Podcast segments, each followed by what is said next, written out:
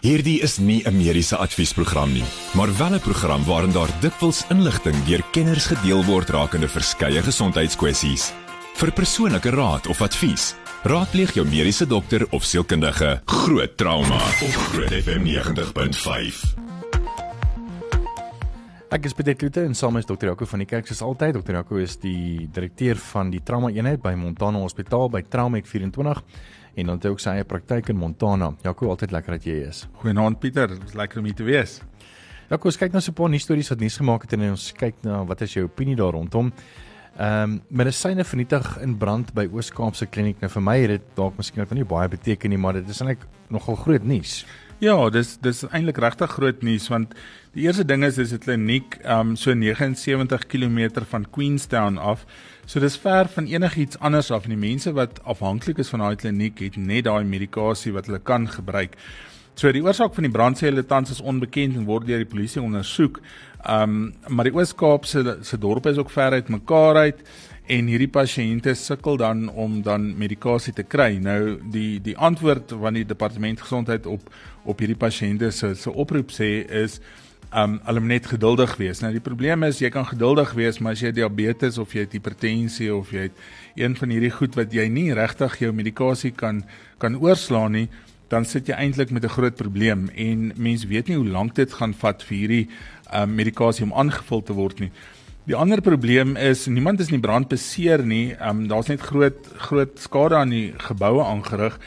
Um die medisyne wat verbrand het is verlede week um afgelewer van die van die sentrale depo af. So daar's groot volumes van voorraad wat gedra is um in hierdie kliniek en 'n groot volume is dan nou is dan nou vernietig met hierdie brand en ek dink regtig waar goed soos soos of siektes soos diabetes spesifiek is 'n groot groot probleem en mense gaan 'n groot klomp komplikasies sien en selfs sterftes. Um jy weet veral jou tipe 1 diabetes wat mm. insulienafhanklik is. Ja, dis baie hartseer. Ja, goed, dan uh, ons bly by hospitale en nog nog steeds uh, staatshospitale. Dit lyk my 'n Malawiese vrou wat na Pretoria Wes Hospitaal toe gegaan het, het nie net twee ehm um, verrassings gekry is wel obviously die geboorte van haar baba, maar sy het nog 'n verrassing gekry. Ja, ehm um, dis nogal interessant, jy weet, want almal dink altyd die die staatshospitale is gratis. So mense kan net gaan, maar 'n Malawiese vrou wat in Pretoria Wes aangedoen het vir die geboorte van haar baba, is glo aangesien dat sy eers 'n bedrag geld moet betaal voordat sy opgeneem kan word in hierdie hospitaal. Ehm um, sy is 'n uh, die betrokke vrou is huiswerker in Alderrein in Pretoria en ehm um, sy het op 6 Mei aangedoen by Pretoria Wes Hospitaal en sy is aangesê dat dit sowat R9000 gaan kos vir om in die hospitaal opgeneem te word alvorens sy die baba kan kry. Ehm um, so dit dit is 'n baie aardige besigheid, jy weet, want want me, soos ek sê, meeste mense dink dit is dis 'n gratis ehm um, ding hierdie ding van staats staatsgeneeskunde. Ehm um, maar niemand wil haar gehelp het nie. Sy het selfs gesê hulle moet haar werkgewer bel dat die werkgewer hulle sal kom betaal, maar die verpleegster wat wat aan haar aan haar uh, diens gedoen het op daai stadium het gesê dat niks vir buitelanders gratis is nie. Ek dink dit gaan nou alweer 'n debat gee tussen tussen die die buitelanders en die en die en die mense wat wat voel dat die mense wat uit die buiteland uitkom hulle hulle dienste kom gebruik en die land se se voordele kom gebruik. Ehm um, maar ek dink regtig waar dis nogal 'n moeilike situasie om in te wees as jy nie in die private sektor gehelp kan word nie, jy kan nie in die staatssektor gehelp word nie en jy sit aan die einde van die dag um, met 'n probleem wat jy nie meer meer anders anders gehelp kan word nie en jy is eintlik 'n werknemer in Suid-Afrika. Nou die vraag is hoe kom jy daar by daai punt uit want jy moet hmm. tog 'n werkpermit hê. Ehm um, maar ja, ek dink dis 'n baie baie en aardige ding en ek dink ons gaan nog 'n paar 'n paar ehm um, stories hieroor hê na na hierdie insident gebeur het. Is daar 'n pryslys byvoorbeeld by 'n uh, staatshospitaal? En wat meen wat gebeur as jy nou sin toe gaan en jy moet nou sê jy het jy het nie werk nie, jy weet dan hulle moet jou mos tog tog help teen Ja, Pieter, gewoonlik is daar 'n pryslys in en meeste staatshospitale ook meeste mense gaan vir jou sê Um as jy werk het, dan vra hulle vir jou wat jou inkomste en op grond van inkomste word daar baie keer uh, 'n fooi gehef sodat mense dit nie misbruik nie en sodat mense dit nie net um jy weet alles in die water gooi jy weet en en, en, en tog maar 'n bydrae lewer tot 'n mate. Um ek sien uh, by hierdie storie spesifiek oor die Malawiese vrou is daar um 'n spesifieke lys vir buitelandse pasiënte en dit gaan oor 'n 'n omsendbrief in nommer 10 van 2022 in in die provinsiale gazette volume 27 van nommer 189 wat sê 'n normale geboorte is R7667 per geval. Um net fetale hartmonitering is 234. Um 'n insit van 'n drip is is is 234. Dis meer as wat ons in privaat praktyk kry vir insit van 'n drip. Ek weet nie hoe hulle daarby uitkom nie. ja. Die die toewerk van 'n wond 234. Um in die in die kraamsaal sê hulle so R1105 per dag. So 'n normale geboorte kan vir jou um so om en by R9240 beloop. Um en dit sluit nie jou medikasie en jou tuismedikasie in nie, geen bloedtoets of bloedtransfusie nie. So ek dink daar word tog maar 'n bietjie gediskrimineer. Um as die staat sê hulle wil nasionale gesondheid instel, weet ek nie hoe jy by hierdie goed gaan verbykom nie. Hmm. Maar net net 'n 'n stok in die speek van die van die ding. Ek meen ek ek, ek kan verstaan dat dat daar 'n sekere skaal is vir buitelanders uh, wat hulle moet betaal. Want mense hmm. nou nie hê hulle moet 'n las op ons al alreeds baie lasvolle uh staatshospitale wees nie. Nee, ek dink definitief so, maar ek dink ook dan die die beheer oor die invloeks van buitelandse pasiënte of buitelanders moet moet eintlik by die by die departement buitelandse sake en so beheer word en nie noodwendig by die departement gesondheid nie. Um dit moet al lank voordat hulle um huisvesting kry in Suid-Afrika, waar hulle werk kry in Suid-Afrika, waar hulle werk neem van iemand wat reeds nie in 'n land sit wat wat die werkloosheidsyfers hoog is, ehm um, daar moet vroeër al beheer geneem word eerder as as om te wag tot mense dan in in die moeilikheid sit. Ek meen as jy oor see wil gaan, dan ehm um, moet jy sekere sekere inligting bekend maak en hulle wil seker maak dat jy byvoorbeeld nie in Amerika gaan sit of in Europa gaan sit en hulle staatsstelsel oorweldig met met hmm. jou gesondheidsbehoeftes nie. So hoekom kan ons dit nie in Suid-Afrika doen nie? Ja, ek hoor jou. Ons is net hier na weer terug. As jy enige vrae vir dokter Jaco van die kerk, um, stuur gerus ons 'n WhatsApp by 061 6104576 onthou standaard tariewe geld. Groot trauma op Groot FM 90.5. So ek sê Jaco, ons bly by nuus stories en um, hierdie storie het my nogal geskok ehm um, oor verpleegsters wat blykbaar 'n tweeling se organe oes. Ja, Pieter, is nogal 'n 'n skokkende storie eintlik. Vier verpleegsters van Tansanië is dan nou in hegtenis geneem omdat hulle dan 'n organe van 'n tweeling ehm um, geoes het kort nadat hierdie babas gesterf het. Ehm um, die voorval is in die Tabora distrik in die weste van Tansanië plaasgevind en daar's 'n komitee aangestel om die voorval te on, voorval te ondersoek. Die liggame ehm um, van die tweeling is dan nou direk na dood eintlik al vermink om die organe te oes en die voorval het dan nou glo of word direk verbind met heksery sê hulle so. in die artikel nou heksery daar is waarskynlik maar soos wat ons die die toordokters of die sangomas mm. hier ken die verpleegsters in hegtenis geneem en hulle stand uit hulle poste geskort en dan nou klagtes sal binnekort um, amptelik aanhange gemaak word teen hierdie verpleegsters Ehm um, die verpleegsters het hierdie ondersoekkomitee wat wat direk na die voorval ehm um, die ding begin ondersoek het mislei deur te sê die die baba se liggame is nog in die kraamsaal terwyl dit in die verpleegkamer was. Nou hulle sê ook hier dat die oorsaak van dood is eintlik omdat daar nie goeie neonatale sorg was in die fasiliteit waar die kinders ehm um, gebore is nie. Nou dit is maar 'n algemene probleem in Suid-Afrika ook. Ek meen ja. dit is nou 'n internasionale storie, maar ek dink dit is 'n algemene probleem in Suid-Afrika dat mense neonatale sorg is nie altyd beskikbaar veral ja. in die in die in die staatssektor nie. En dit is nogal redelik um kommerenswekkend dat dat hierdie dat hierdie insidente plaasvind en 'n mens wonder baie keer in die afgeleë klinieke, afgeleë um dorpies wat wat ons nooit van hoor eers nie um of dit nie maar in Suid-Afrika ook gebeur nie. En ek ek dink dit is nou 'n groot ding omdat dit nou BBC het berig daaroor en uh, dis nou 'n groot storie.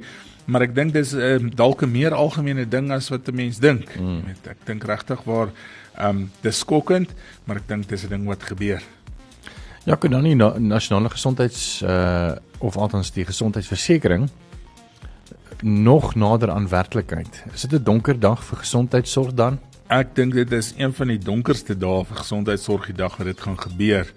Um en nie omdat 'n mens negatief wil wees nie, ek dink aan die einde van die dag ons praat elke week oor uh, probleme in die staatssektor en um tekorte en jy weet selfs simpel goeder soos soos soos onderhoud van goed wat nie gebeur nie.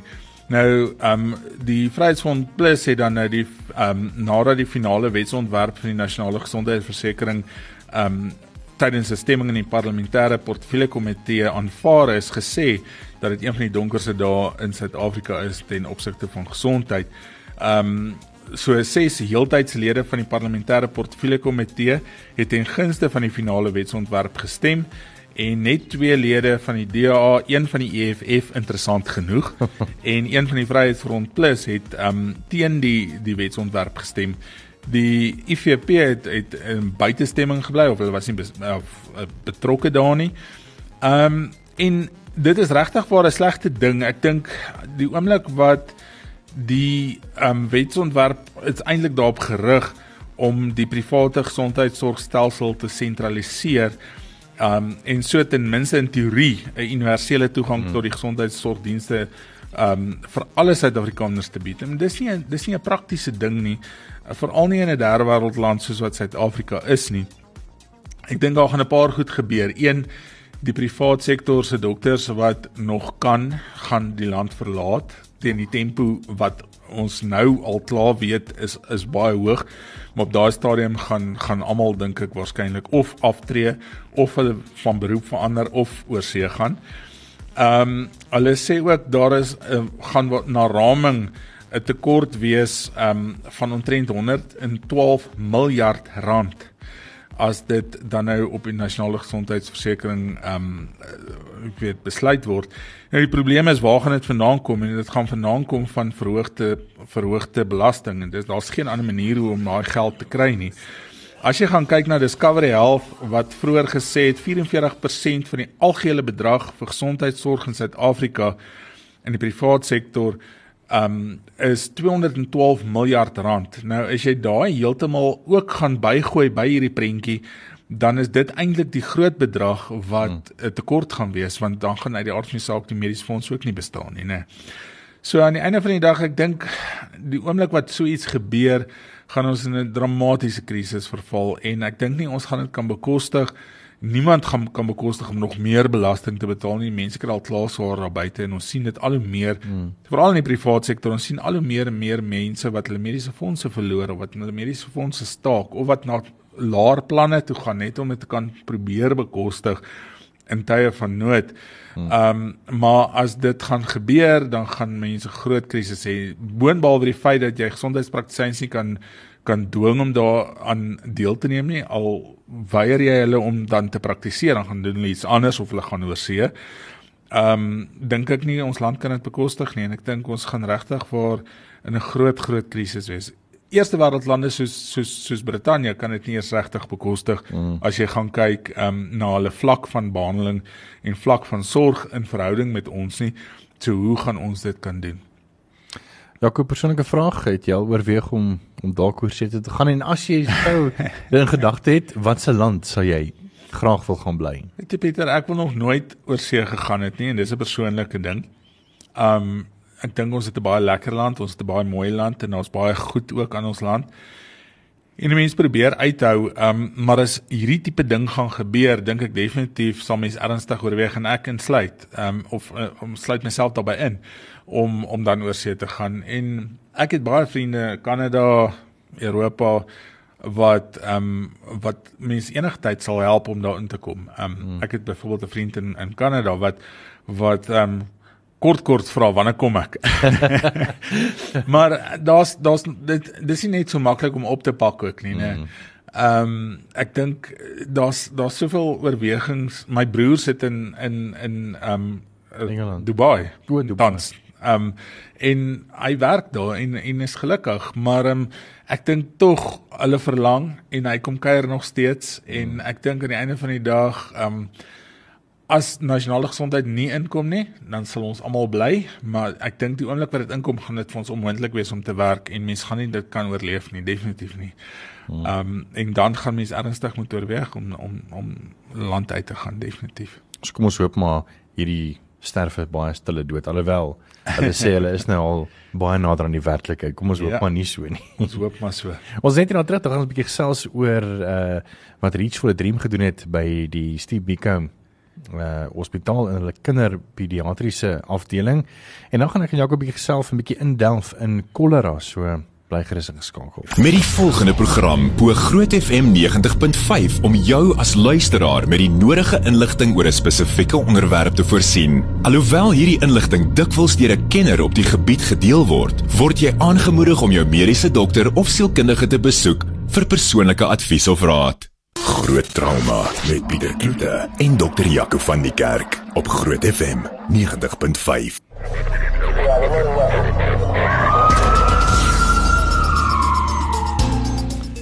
Aan die kant op die lyn het ek uh, Natalie Lazarus, sy's van Reach for Dream. Natalie, how are you? I'm fine. How are you? Great, thank you. Listen, um, I wanted to, chat to you about uh, this morning's uh, first launch of the Steve Biko Pediatric Center, and I was blown away by how beautiful the layout was. I mean, the uh, and everything. So we're going to get to that just now. First of all, how did you get involved with Steve Biko Hospital and Salsi? So we've uh, been working with Steve Biko for the past 30 years. They're one of the most um, amazing hospitals that we work with in the Gauteng region, and we actually get a lot of dream children referrals from them. So they are a beautiful hospital that does the most amazing work with, with children who are fighting a life-threatening illness, and we work with them on a daily basis. And you were, I mean, I know that uh, Prof. Josny had this vision and, um, you know, he, he thought of uh, Reach for a Dream and then you guys got involved and you guys managed the whole project, right? Yes. So the Dream Room project um, was actually established five years ago. And um, because we deal with so closely with the hospitals around the country, what we realized was there's such a need to actually build um, and revamp spaces within the hospitals to make sure that the children that are there for a long time are actually enjoying, you know, they feel more like children. Mm.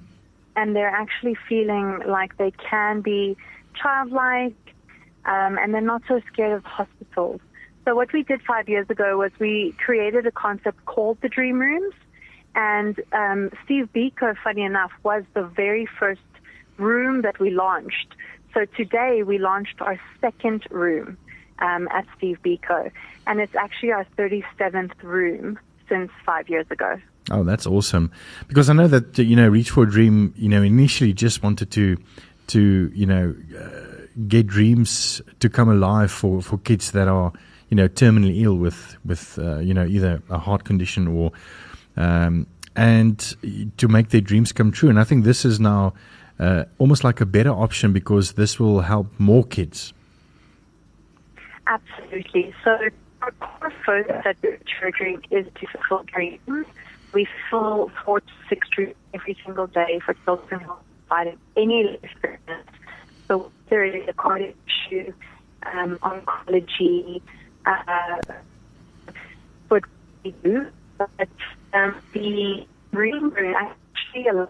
Uh, Natalie, it seems like you're breaking up a bit. Um, I'm not sure if you can maybe just. Uh, Let's Can try. you hear me? Yeah, now, yes, now you're getting Sorry. through. No problem.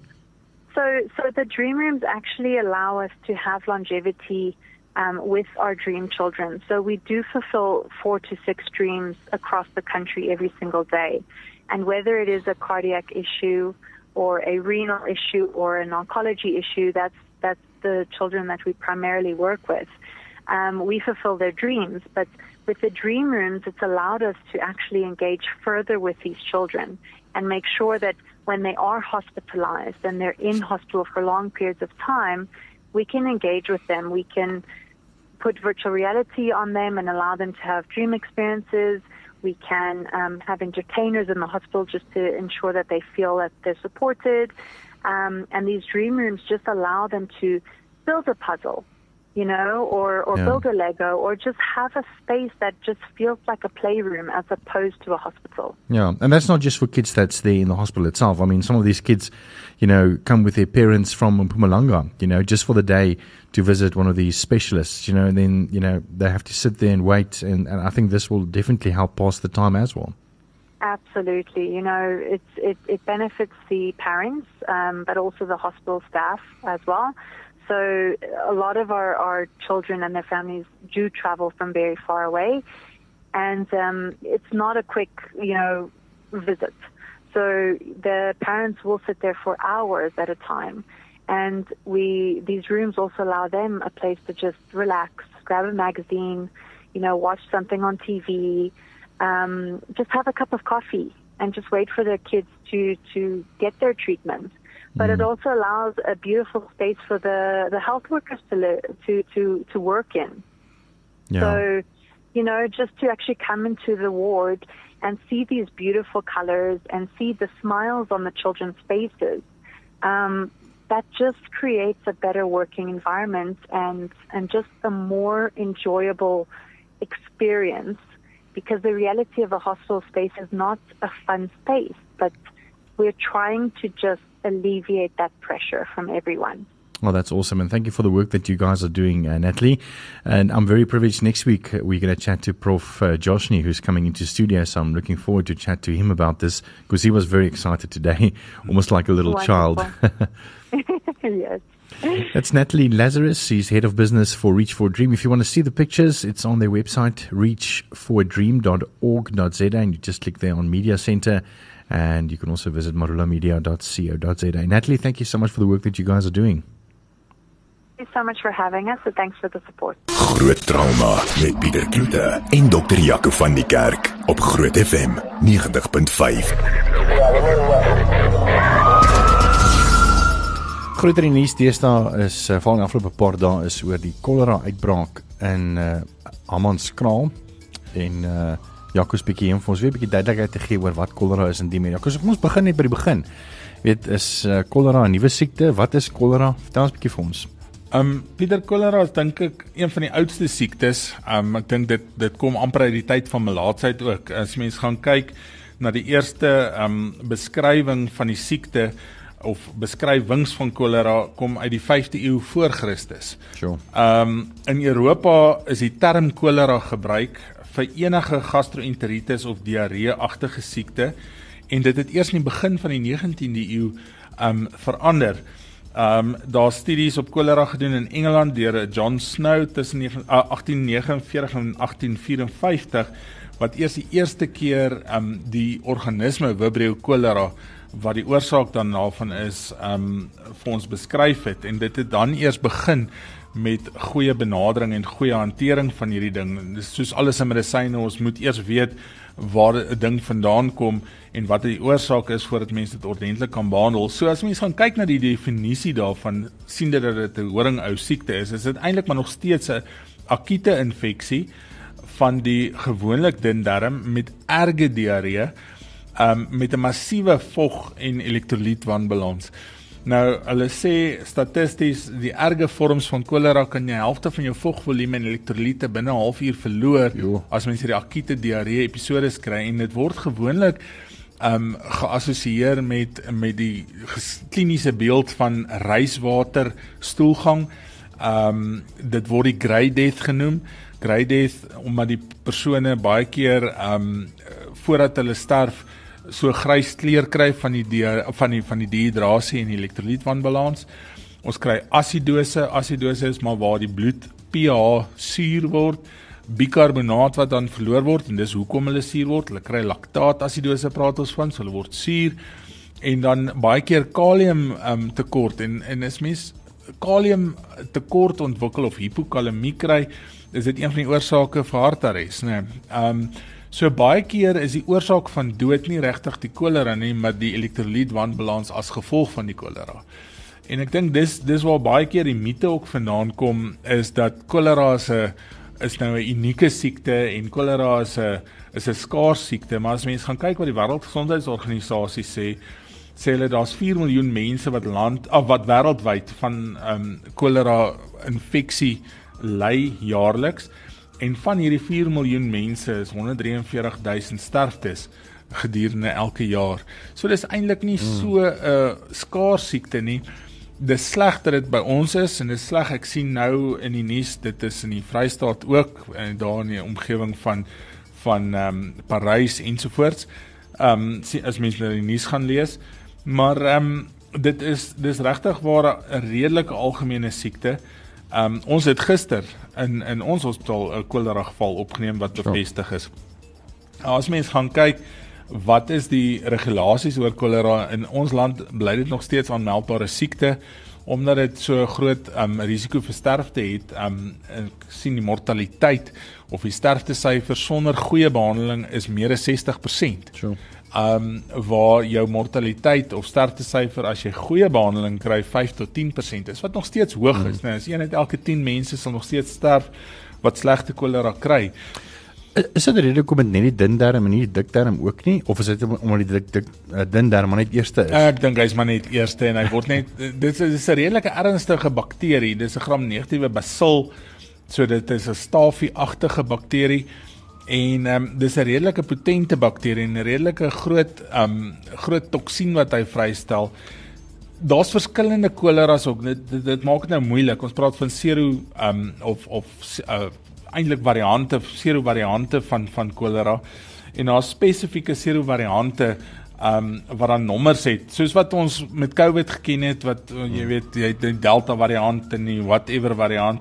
So kry jy die variante op die kolera ook. Ehm um, en 'n spesifieke variante wat vir mense hierdie siekte gee, maar dis 'n redelike ehm um, potente bakterie.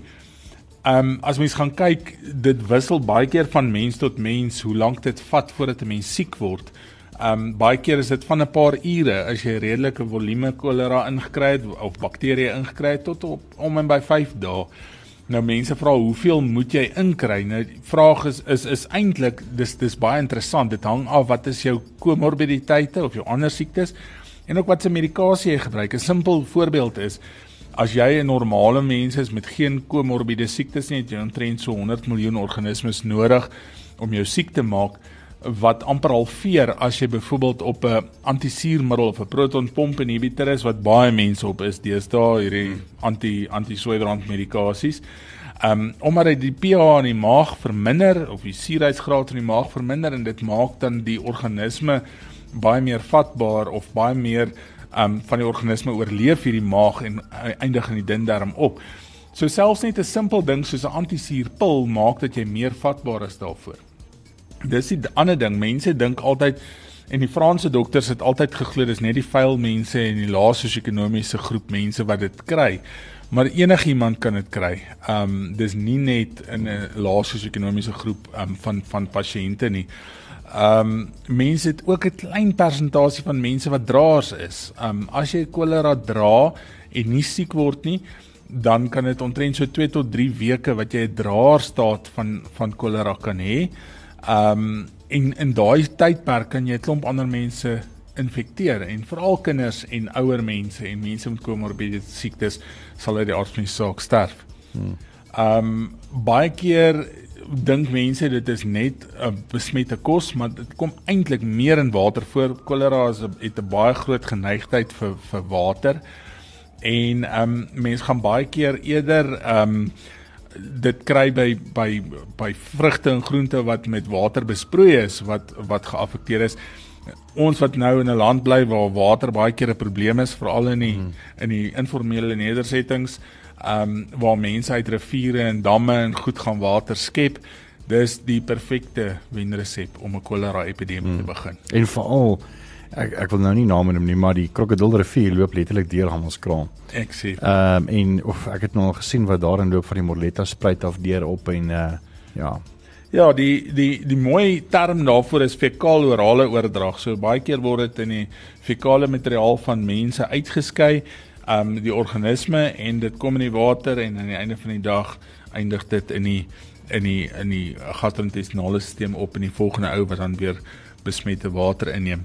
Ehm um, die meeste mense sê en ons het soos ek sê gister iemand opgeneem ehm um, in ons hospitaal met met 'n positiewe diagnose. Die diagnose word gewoonlik gemaak um, met dan uit die aard van die saak die geskiedenis van die pasiënt, die kliniese beeld, die reiswaterstoelgang, die vinnige dehydrasie, die erge groot volumes, ehm um, diarree, die dehydrasie, maar ook 'n hulle hulle beskryf dit as 'n fishy smell stoelgang. So dis ding nou net by jouself, net 'n waterige stoelgang wat soos reiswater lyk, wat soos vis ryk en jy het groot volumes soos as jy sê jy kan die helfte van jou liggaam se volume vog verloor in 'n halfuur en jy kan dink wat se volume is vir daai uitkom. So. Dan kry jy hierdie grys ehm um, hierdie grys voorkoms, jy kry hierdie ingesonke oë, hierdie koue klam gevoel van die vel, van die dehydrasie, vinnige polstempo, lae bloeddruk en dan krampe, krampe gewoonlik van die elektrolyte, natrium, kalium, kalsium, magnesium en fosfaat wat jy verloor.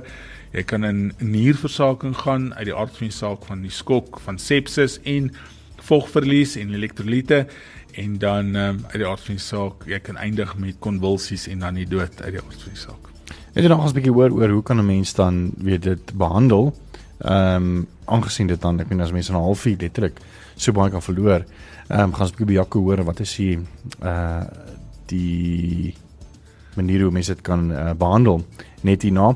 Maar ek wil net gou vanaand met jou deel uh, baie slegte nuus nou net in bekend deur Sky News bevestig is dat die sangeres Tina Turner is oorlede op die ouderdom van 83 en ek meen ons almal ken haar musiek private dancer um, what's love got to do with it in uh, the best proud mary so uh, rus in vrede Tina Turner Groot trauma met Pieter Kloete en dokter Jaco van die Kerk op Groot FM 90.5.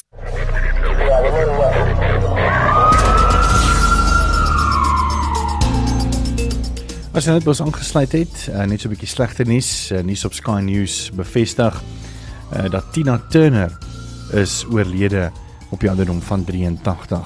Jy kan verder gaan lees op Tina Turner of althans op skynews.com.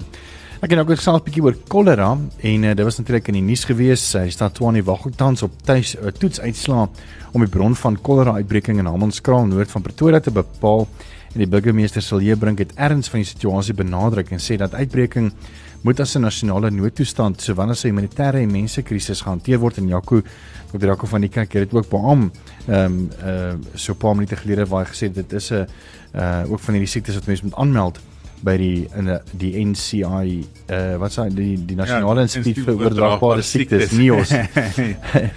En uh, bring dit ook op 'n nuuskonferensie aangekondig dat 'n tugproses vir amptenare wat geïmpliseer word na forensiese ondersoeke al begin het. En uh, hierdie is so death stands at 17, which makes it more important to identify the source of the outbreak. Because if we don't do that, the situation cannot be contained. We're going to get some of those test results. Whatever they show, action must follow. And on that state capture tender that was awarded, people have to be fired. If we go on with the same lot, we're not going to solve the problem. Dis aan die stem van Celebrink Twani se burgemeester. Jaco, as iemand nou gediagnoseer is, uh, weet dit of jy weet jy het dit, ehm um, wat doen jy?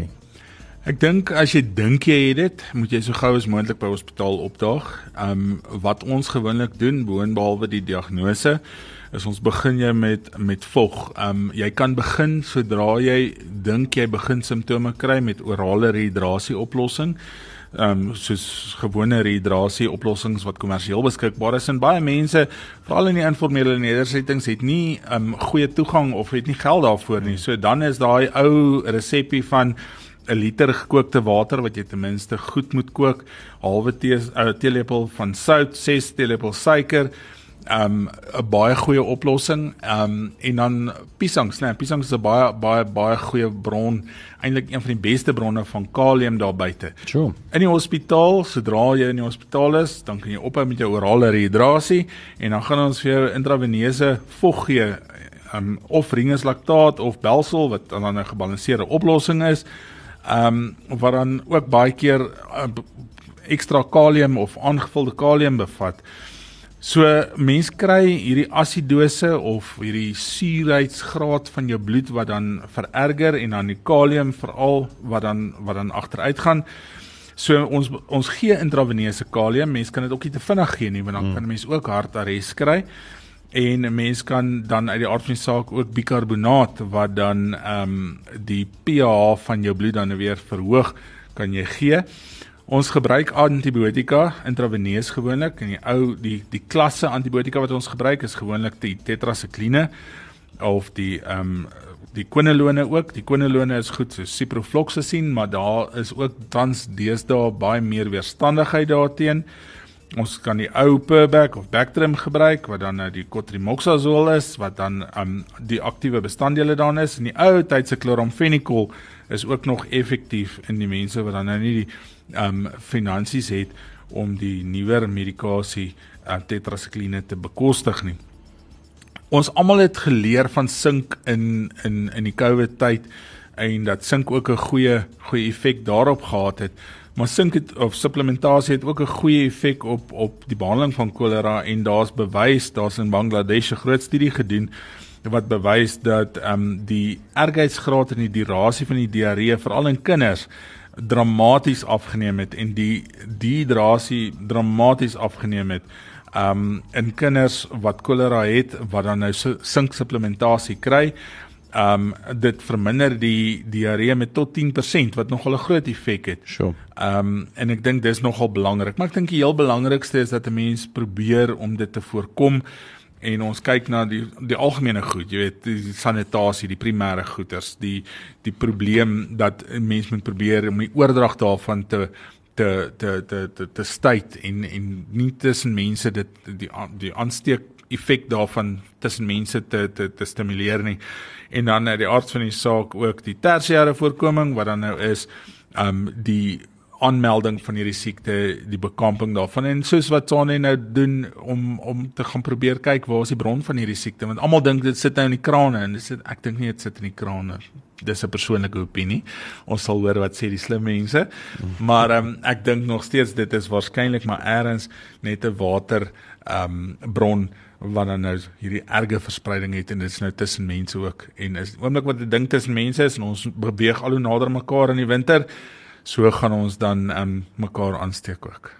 Dis dokter Ouko van die kerk, direkteur van die trauma eenheid by Trauma het 24 by Montana Hospitaal en dan ook sy eie praktyk in Montana. Ja, altyd lekker om jou te hê en ons praat volgende week Woensdag weer saam. Pieter. Groot trauma met Pieter Kloete en dokter Jaco van die kerk op Groot FM 90.5.